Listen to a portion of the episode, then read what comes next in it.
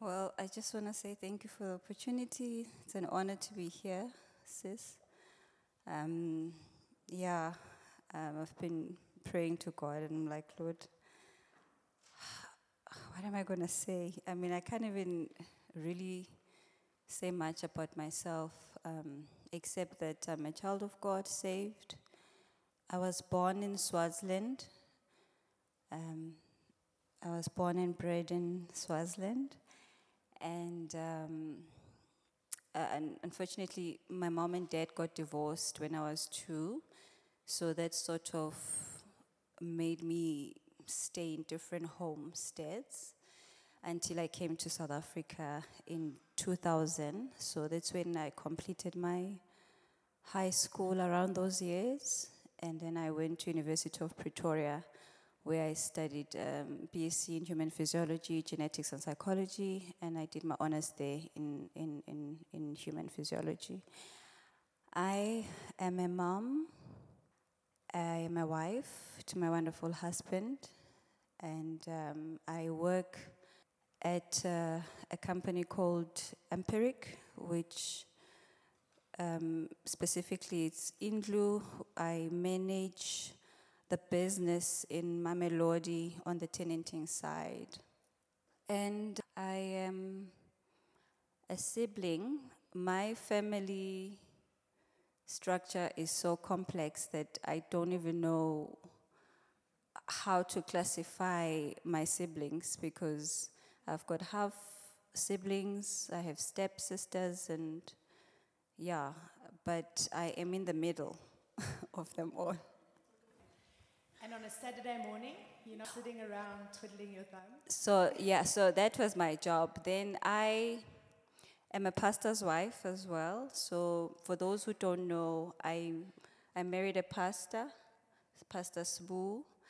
We moved to Mamelodi a couple of years ago when the Lord had placed into his heart to go back to the township, which I dreaded. And I asked him many times, Are you sure the Holy Spirit is leading you there? Do we need to pray some more? So I was that wife. I was the wife who delayed the process for as long as I could. But eventually the Lord um, led us there. And it's been, it's been interesting being there, but more than anything, the Lord really started working in my heart there. And he opened an opportunity for me to serve the community there. So I started discipling three young girls, three became five, and then I started noticing that they needed help in other areas of their lives, not just spiritually, and also in their schoolwork. So I would spend my time as well with them after school, two or three hours with them. They started inviting each other. Our house became big, five became 20. Then we had to bring in Sinead and Lichbend to help. 20 became over 100 now. So every Saturday we, we tutor um, high school kids from grade 8 to 12 we tutor maths, the core subjects, maths, physics, accounting. And the Lord has really showed us that the harvest is plenty, basically. So it's been one of my purposes in life now, um, seeing the need and the desperation of having Christians to to take up those spaces, and when the Lord opens the door, to really throw yourself in and allow God to use you and um, to advance His kingdom in those opportunities. So, really, I would say my life now, that's one of the main purposes that doing yeah. And who would have thought in the COVID, the yeah. depression and the closed doors of COVID, what yeah. God was busy opening up and the opportunities that he was creating in that time period. I was just thinking now that those three girls that started a Bible study with you, uh, little did you know what uh, that you would be putting your physiology and genetic skills into play as well. Tell us a little bit about how you came to know the Lord Jesus. So the Lord brought me into faith 20, in my university years. I don't have a specific day and a date to it. I remember being exposed to the gospel for the first time when I was doing my first year through my uncle, who's a Reformed Baptist. So um, I was grilled with the word. So I, that was my first exposure of the gospel in its pure essence. But the transformation, well, I believe that the Lord had already started working from as far back as when I was staying with my grandparents, because those were the first people we stayed with when my parents divorced. So my grandfather was, he, he went to school just to learn enough how to read and write. And he used it daily to read the scriptures to us. And daily, he was committed to bringing all the grandkids to pray. We actually, we were so many in our home that we didn't even go to church. Church was at home, and it was led by my grandfather. So, my grandfather, I would say God used him mightily, even though I was not saved then. But the picture of Christ, I started seeing it being modeled from a young age. Then I grew up in different homesteads and all of that, and I got lost in the world. But the Lord brought me into faith at varsity. Yeah, my life was a wreck. Um, as you can imagine, a person who comes from a broken family, um, wondering about you, a young girl, your mom is not there, um, you longing for love, you know. Um, you're not getting it home, you'll try to look for it in different ways. So I was that girl, and um, but the Lord saw it fit to, you know, to call me to Him, and and I and I believe that I heard His call, and uh, and I got saved um, in my desperate times um, at varsity. Yeah. Did you meet Sbu? That's where I met him. yeah. That's when I met him. Actually, I would say it's important to bring him up because before, I was already saved when I met him, but I only got to understand how to apply the gospel when I met him. Thank Um, the last four years, you and Sbu have had to travel through very deep valleys. Would you be happy to share some of that with us? Sure. I think before I even share that, my story, I would like to say that existence comes, the fact that you're alive, the fact that you breathe, and the fact that we're born in sin, it, comes with uh, brokenness, imperfection, and the world is just different from the way it was first created. So, uh, especially where you are in Christ? Well, you go through challenges. Everybody has a journey, everybody has a story to tell. And uh, as a Christian, I think it's important to note that um, things like pain and suffering we're not exempt from. God did not promise us a journey without actually I've been meditating a lot on the cross, Christ on the cross, what that means for me now. And obviously, when you go through suffering, God takes you in a different dimension to get to know Him in a deeper sense. So you get to appreciate in the most difficult way, you get to appreciate the depth relationship that you can have with Christ through that. So, and then you start appreciating pain as a gift, suffering as a gift, and a privilege um, when you're walking with Christ. And I'm not saying this lightly.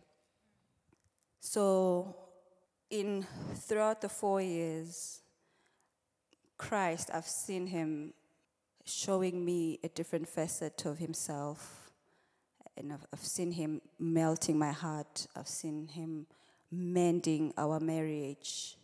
I've seen him um, really revealing himself and glorifying himself and growing me personally and humbling me in the most greatest way, and He's still doing that. So, God pursues us and He allows suffering as, as part of the plan.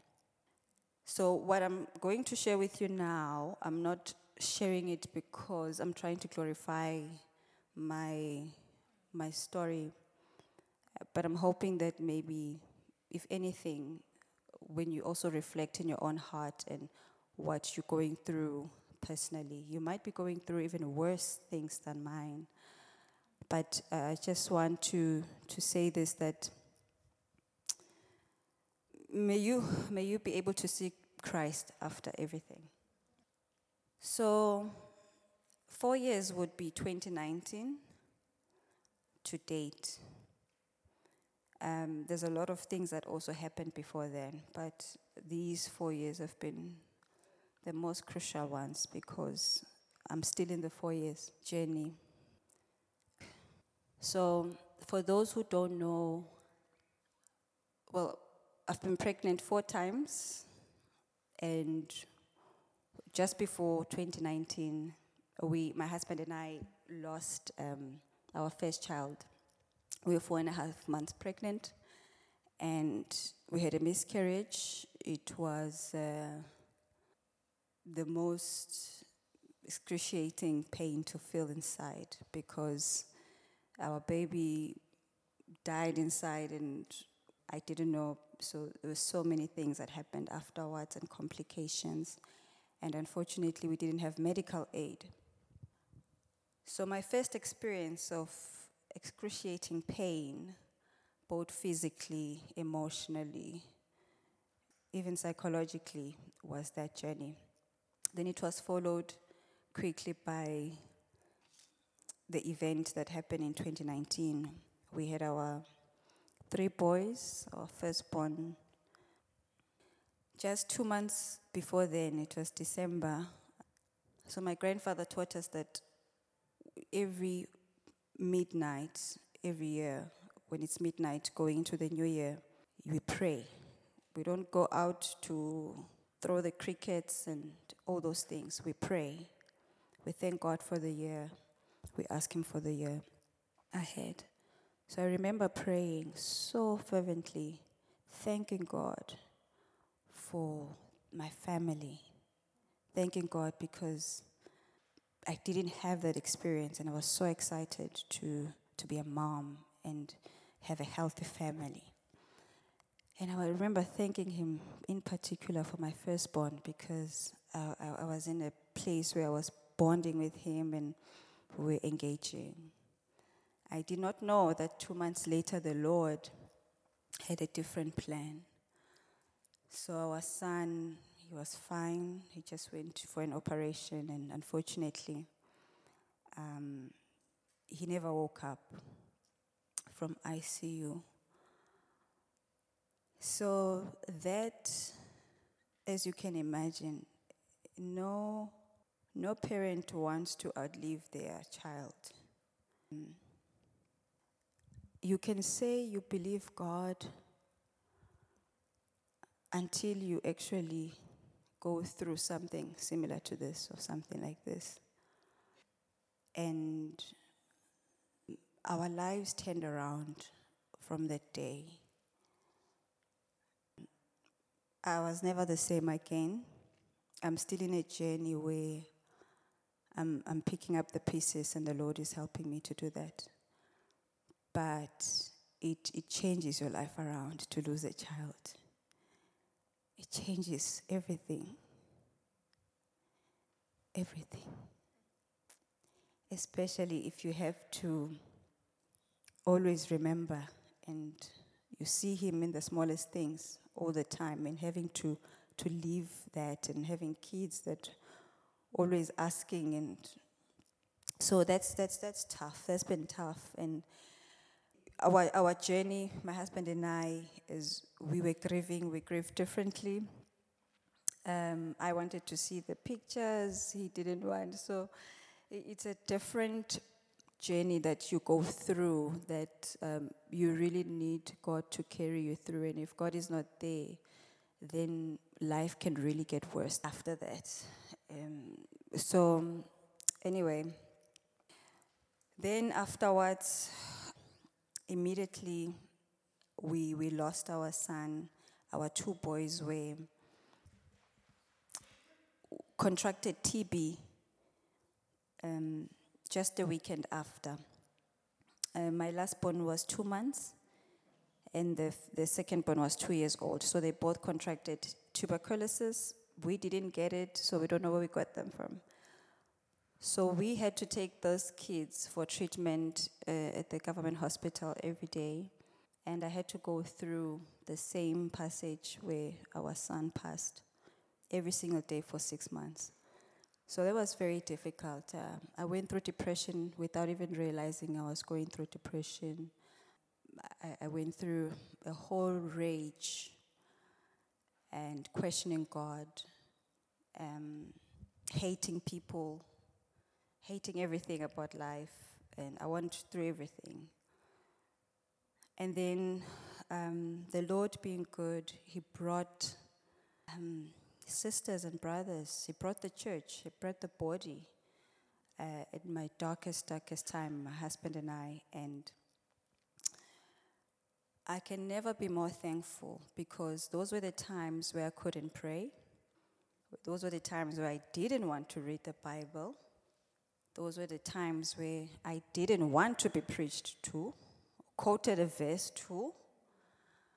But the Lord knew in His mercy how to bring the body to be our pillar of strength during that time until we're able to, to fall back to God and cry to God and, and draw from Himself.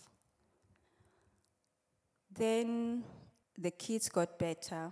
My husband was then diagnosed with diabetes and he had kidney stones during the same year.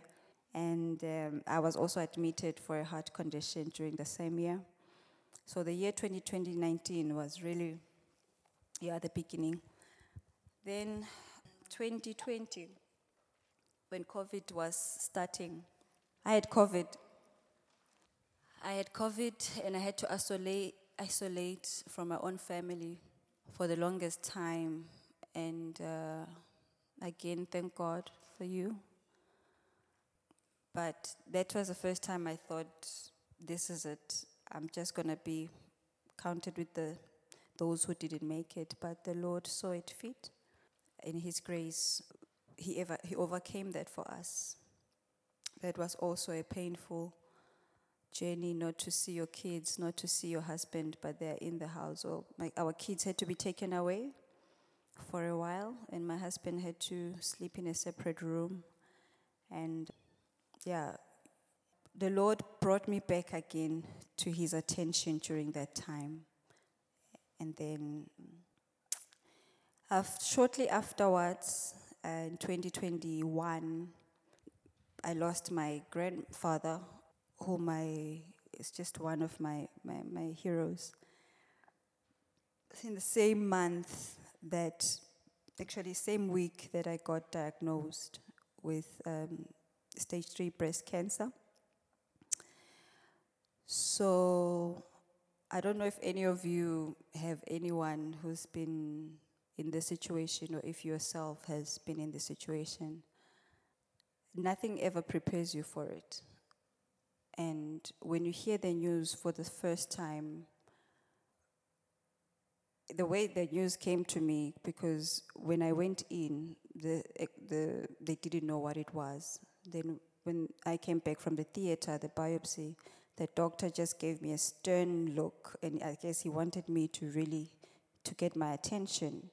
Um, my mind is still coming out of anesthesia. He, did, he couldn't even wait. So when he told me that I got cancer, stage three, it's passed through the lymph nodes, and I've got three months to live.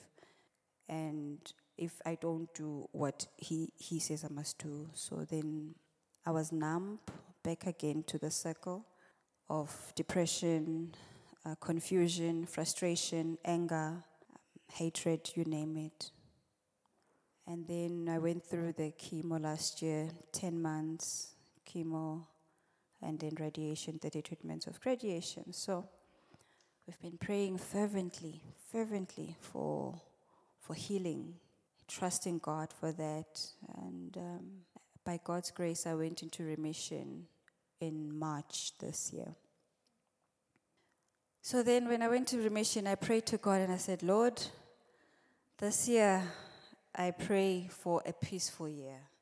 I pray that, Lord, I can just breathe because I've been suffocating for such a long time. I just need a year where I can just breathe this year. So when I heard the news, remission, yo, you can imagine how much you praise God and you thank Him, and you know, now I can leave. Okay, where did we leave? Because you know, when you go through a chronic disease, you you stop, your life stops. So when you're in remission, you're like, okay, now I can recoup and then start. But uh, I'm sure some of you have noticed that my walk is a bit different. That's because a couple of weeks later, we heard the news that um, the, the cancer is back, stage four, and it has metastasized in, in my bones, my spine, my neck, my ribs, my pelvis, my legs, and my arms. So, one has many questions when you go through such a, a tough time, especially one that you did not, did not expect. You pray, you ask God to use you, you pray, you ask God to reveal Himself to you, you pray, you ask God to, to know God more, but you never anticipate that God will allow these kind of trials for you to go through. So when you go through them, I personally, in these past four years, have been a wreck. I've been a wreck emotionally, I've been a wreck spiritually, I've been struggling to understand James, is it James 1, verse 3? Consider it all joy. Consider it all joy when you go through trials. Consider it all joy. I couldn't find the joy. I couldn't. I couldn't even fake it. Funny enough, it's only now that I'm beginning to understand some of that. Only now. So, just to give you a picture of my response to God, I want to read Psalms 88 quickly. This is a psalm by the Korah sons, but I mean, that's a, a long whole story if you want to know who Korah's sons were and who Korah was. If you remember the story of when God opened the grave for the Israelites to be swallowed, those who wanted to, um, to be like Moses. So, Psalms 88 was written by the Korah sons, and this is how they responded to God to what they were going through. And this really expresses how I've been um, in the past four years. Lord, you are God who saves me day and night. I cry to you. My prayer come before you. Turn your ear to my cry. I am overwhelmed with troubles, and my life draws near to death. I am counted among those who go down to the pit. I'm like one without strength. I am set apart with the dead like the slain who lie in the grave, whom you remember no more, who are cut from your care. You have put me in the lowest pit, in the darkest depths. Your wrath lies heavily on me. You have overwhelmed me with all your waves. You have taken from me my closest friends and have made me repulsive to them. I am confined and cannot escape. My eyes are dim with grief. I call to you, Lord, every day. I spread out my hands to you. Do you show your wonders to the dead? Do their spirits rise up and praise you? Is your love declared in the grave, your faithfulness in destruction? Are your wonders known in the place of darkness, or your righteous deeds in the land of oblivion? But I cry to you for help, Lord. In the morning, my prayer comes before you. Why? Lord, do you reject me and hide your face from me? From my mouth I have suffered and been close to death. I have borne your terrors and am in despair. Your wrath has swept over me. Your terrors have destroyed me. All day long they surround me like a flood. They have completely engulfed me. You have taken from me friend and neighbor. Darkness is my closest friend. So, this has been a summary of, of how I felt towards God for a longest time. But I want to quickly jump to this. Why did God allow this passage to be here? Because this is a person who's angry at God. This is a person who is expressing his heart to God, like Job did. Why did he allow this passage to be here? Tim Keller says, God knows that we as a people, this is how we express ourselves when we're desperate and we need. So, this is a beautiful example to actually say, maybe to anyone who might be going through the same thing, it's okay. It's okay to be confused. It's okay, it's okay to, to cry out to God, to ask questions. It's okay, which is one of the things that I've struggled before with, but I've come to, to lament, to learn how to lament. So, God's goodness and His faithfulness is shown louder and more clearer when we go through suffering. And I'm not saying this easily and lightly. So I'm just saying it to say we need to, or I have personally come to learn and have a different worldview of who God is through suffering in a deeper sense. My relationship with God has been mended by Him, and it's sweeter now, I can say, even in my confusion, frustration. My relationship with God, surprisingly, it's sweeter, and I think I'm at a place where I wouldn't, I would, I wouldn't want to go back to the prayer life that I had before this. So I've learned to appreciate time. I'm learning to appreciate people as well and love them. And I've learned to, to love my husband in submission. I'm learning to be more gracious to my children when I discipline them, to be patient with them. I'm learning, I'm learning to forgive. Um, but most of all, I'm learning to be a child of God and to trust God over and over again. See, Sihle, I don't think there's anybody here who can completely fathom how you can sit calmly and share the deep valley and sit calmly and express all that you're learning and the, the place that, that Jesus has brought you through. Won't you share with us just in a a summary who Jesus is to you now, if you think back over the years, but particularly what would you want the ladies to take home? Um, how would you want them to cling to Jesus?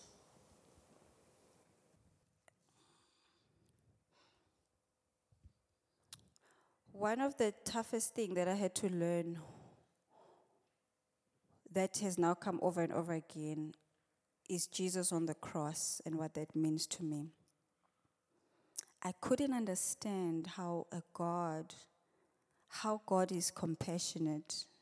I couldn't understand how He cares, if He knows, if He sees what I'm going through. I just couldn't get my head around because it was just one thing after the other and one thing after the other.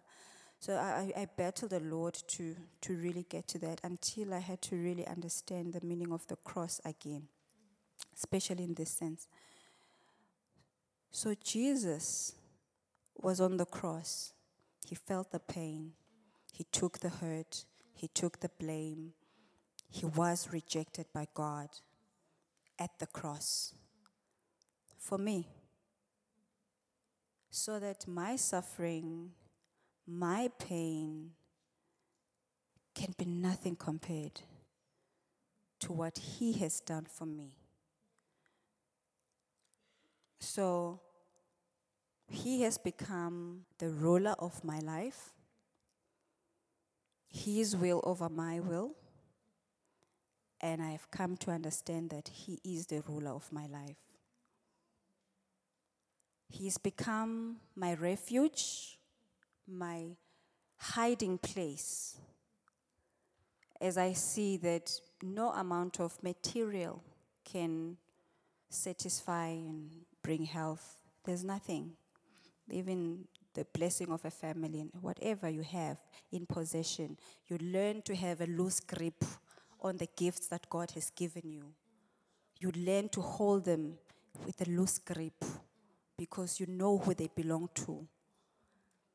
So God becomes your hiding place, your resting place, your, your place of peace, your tomorrow, your today, your, your, your everything.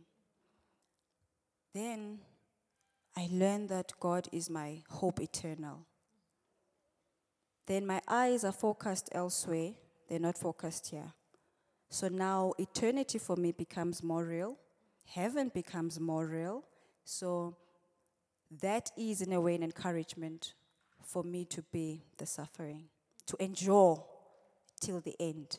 It's not who runs fastest in this journey, it's he who endures till the end. So, my hope that is helping me to stay the course with the little faith that I have is the hope eternal that I have in who He has done for me on the cross. So, I have three people that I want to talk to. The one who the Lord has spared suffering at the moment, too, where everything is okay, life is beautiful. Thank God for that. Appreciate God for that. But take that time to invest. The Bible says those who are happy must act like those who are mourning. Those who are mourning must be like those who are joyful. Invest in the word. Invest. Take the time to listen to. We're living in beautiful time now. Technology, if you can't even read, open the scriptures, audio Bible. Pray. If you can't pray, ask for somebody to pray for you. But start venturing into the spiritual world for real. Because there's going to be times, there's going to be times. Everybody must walk their own journey. There's going to be a, a dark time where you're going to need what you know about God to apply it. Then I want to talk to the person who is going through suffering right now. God is compassionate. Jesus knows your suffering, He cares. As a matter of fact, He suffered before us. He promised us that He will never give us what we could not bear, even if it feels like we can't. He has promised us that it's not. He has conquered for us, He has run the race. Endure in faith. Endure in faith and trust Him for strength every day. His grace is sufficient. We pray for healing, He's able to do that. But He may not do it.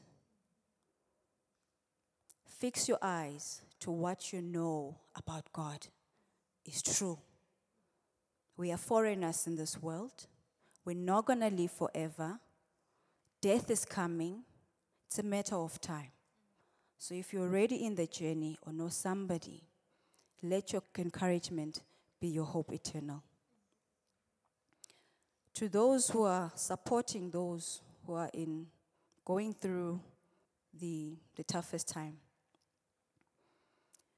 may God also be your strength too as you pray for people, but may you also look at somebody's lives as a reflection of God's goodness and may you be encouragement to your soul.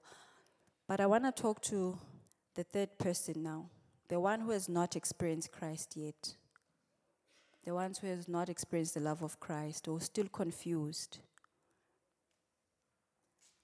Christianity, Jesus Christ is the only God, the only man in all religions who has walked the journey till the end.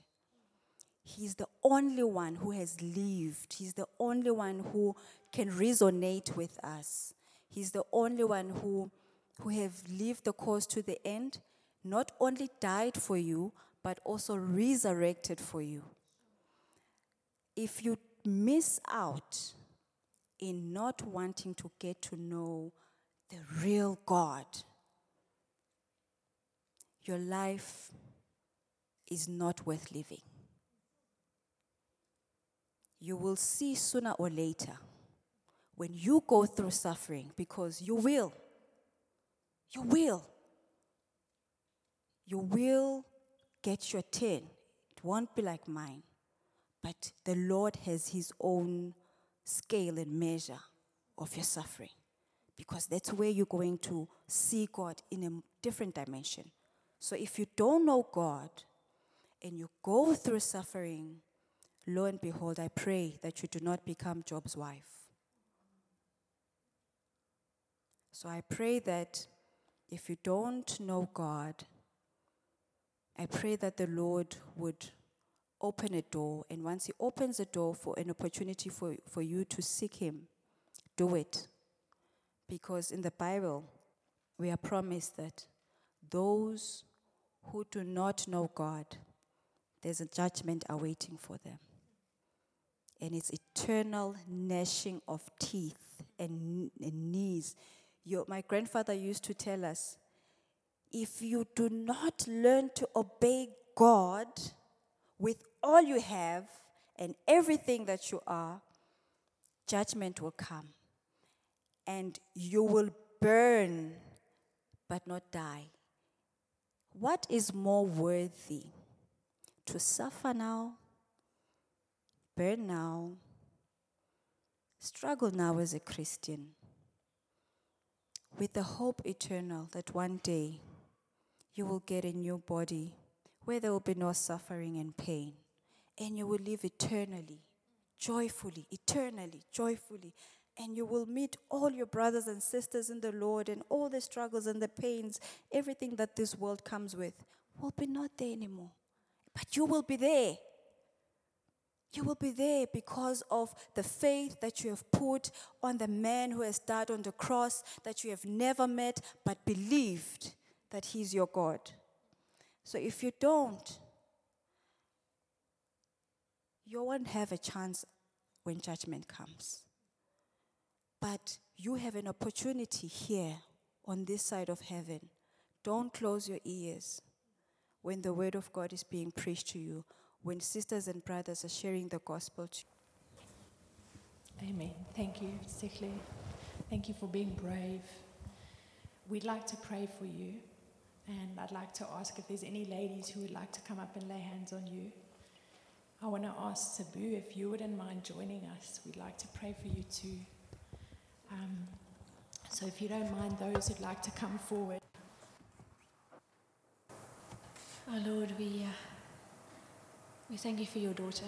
Thank you for just her, her how brave she is and able, being able to come here and share her very, very difficult journey with you, uh, with us. Father, thank you for taking her and Sbu and um, the family so far. Thank you for carrying them in the darkest of times. Thank you for your faithfulness in, in, in times that seem impossible to get through. Thank you for your, your goodness towards them in times that seem so bad and so heavy and so dark. Thank you, God, for causing them to endure, for carrying Sihle and her family when they could not lift their heads up to you or their voices. And, and why, Lord God? Because you are great, because your greatness shines through them and your love and your faithfulness is a testimony today. Lord, we want to pray for Sihle. We pray for her body that is tired, um, her body that is sick. We do again, with so many voices, ask for healing. And we pray for your will to be done, Lord, in her body, in her life, in the life of her family. Father, would you come and comfort your daughter again? Would you come and lift her up again? Would you come and strengthen her again? As you're the only one that can do that. You're the only one that can that can work in the supernatural way to enable her to, to testify of your love and your goodness today. And so we trust you to continue doing that. Will you be her hope and the hope of her family today and every day, no matter what lies ahead? Thank you, Father, that she can hold on to you. We pray this in Jesus' name.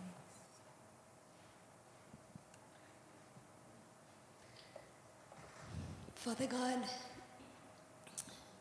we don't have any words, but that you are God.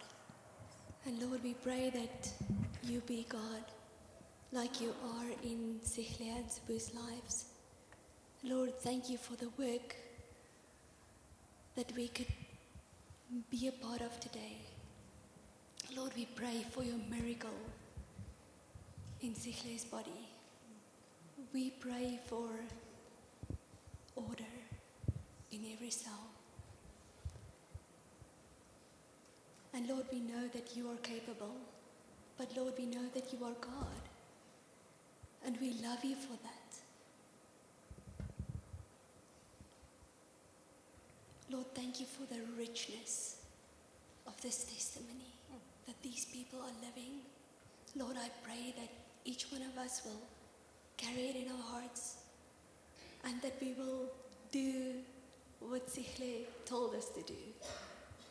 Help us to be faithful. Lord, thank you for your hand over them. We pray for your comfort in Jesus' name. Yes, Lord, what a amazing testimony um, to have our dear sister sit here and, and still be able to testify to your goodness in the midst of what has been an incredibly difficult four years. We give you so much honor. We know that is the work of your spirit in her life. Um, and I, I want to pray that as she spoke to those, those different groups of people, that um, your spirit would take those messages um, and apply it to our hearts, Lord. Whether we're in suffering or not yet in suffering, or if we don't know you, um, yeah, we ask your Holy Spirit would, would not uh, let go of, of our hearts in applying those encouragements and um, rebukes and um, yeah, the words that she spoke to us. And we pray um, that the church would continue to surround them with love and support in this next season. And we know that you have set good works aside for them even in the midst of this. And we see that, Lord, in, in their church and in the tutoring and in their own family. And so we ask that you would grant them the strength to, to do those good works with joy. Um, yeah, even in the midst of, of all the emotions and all the confusion. We thank you that you are good and that you are a father to us. Um, help us to know that even when we're, yeah, when we're confused, Lord.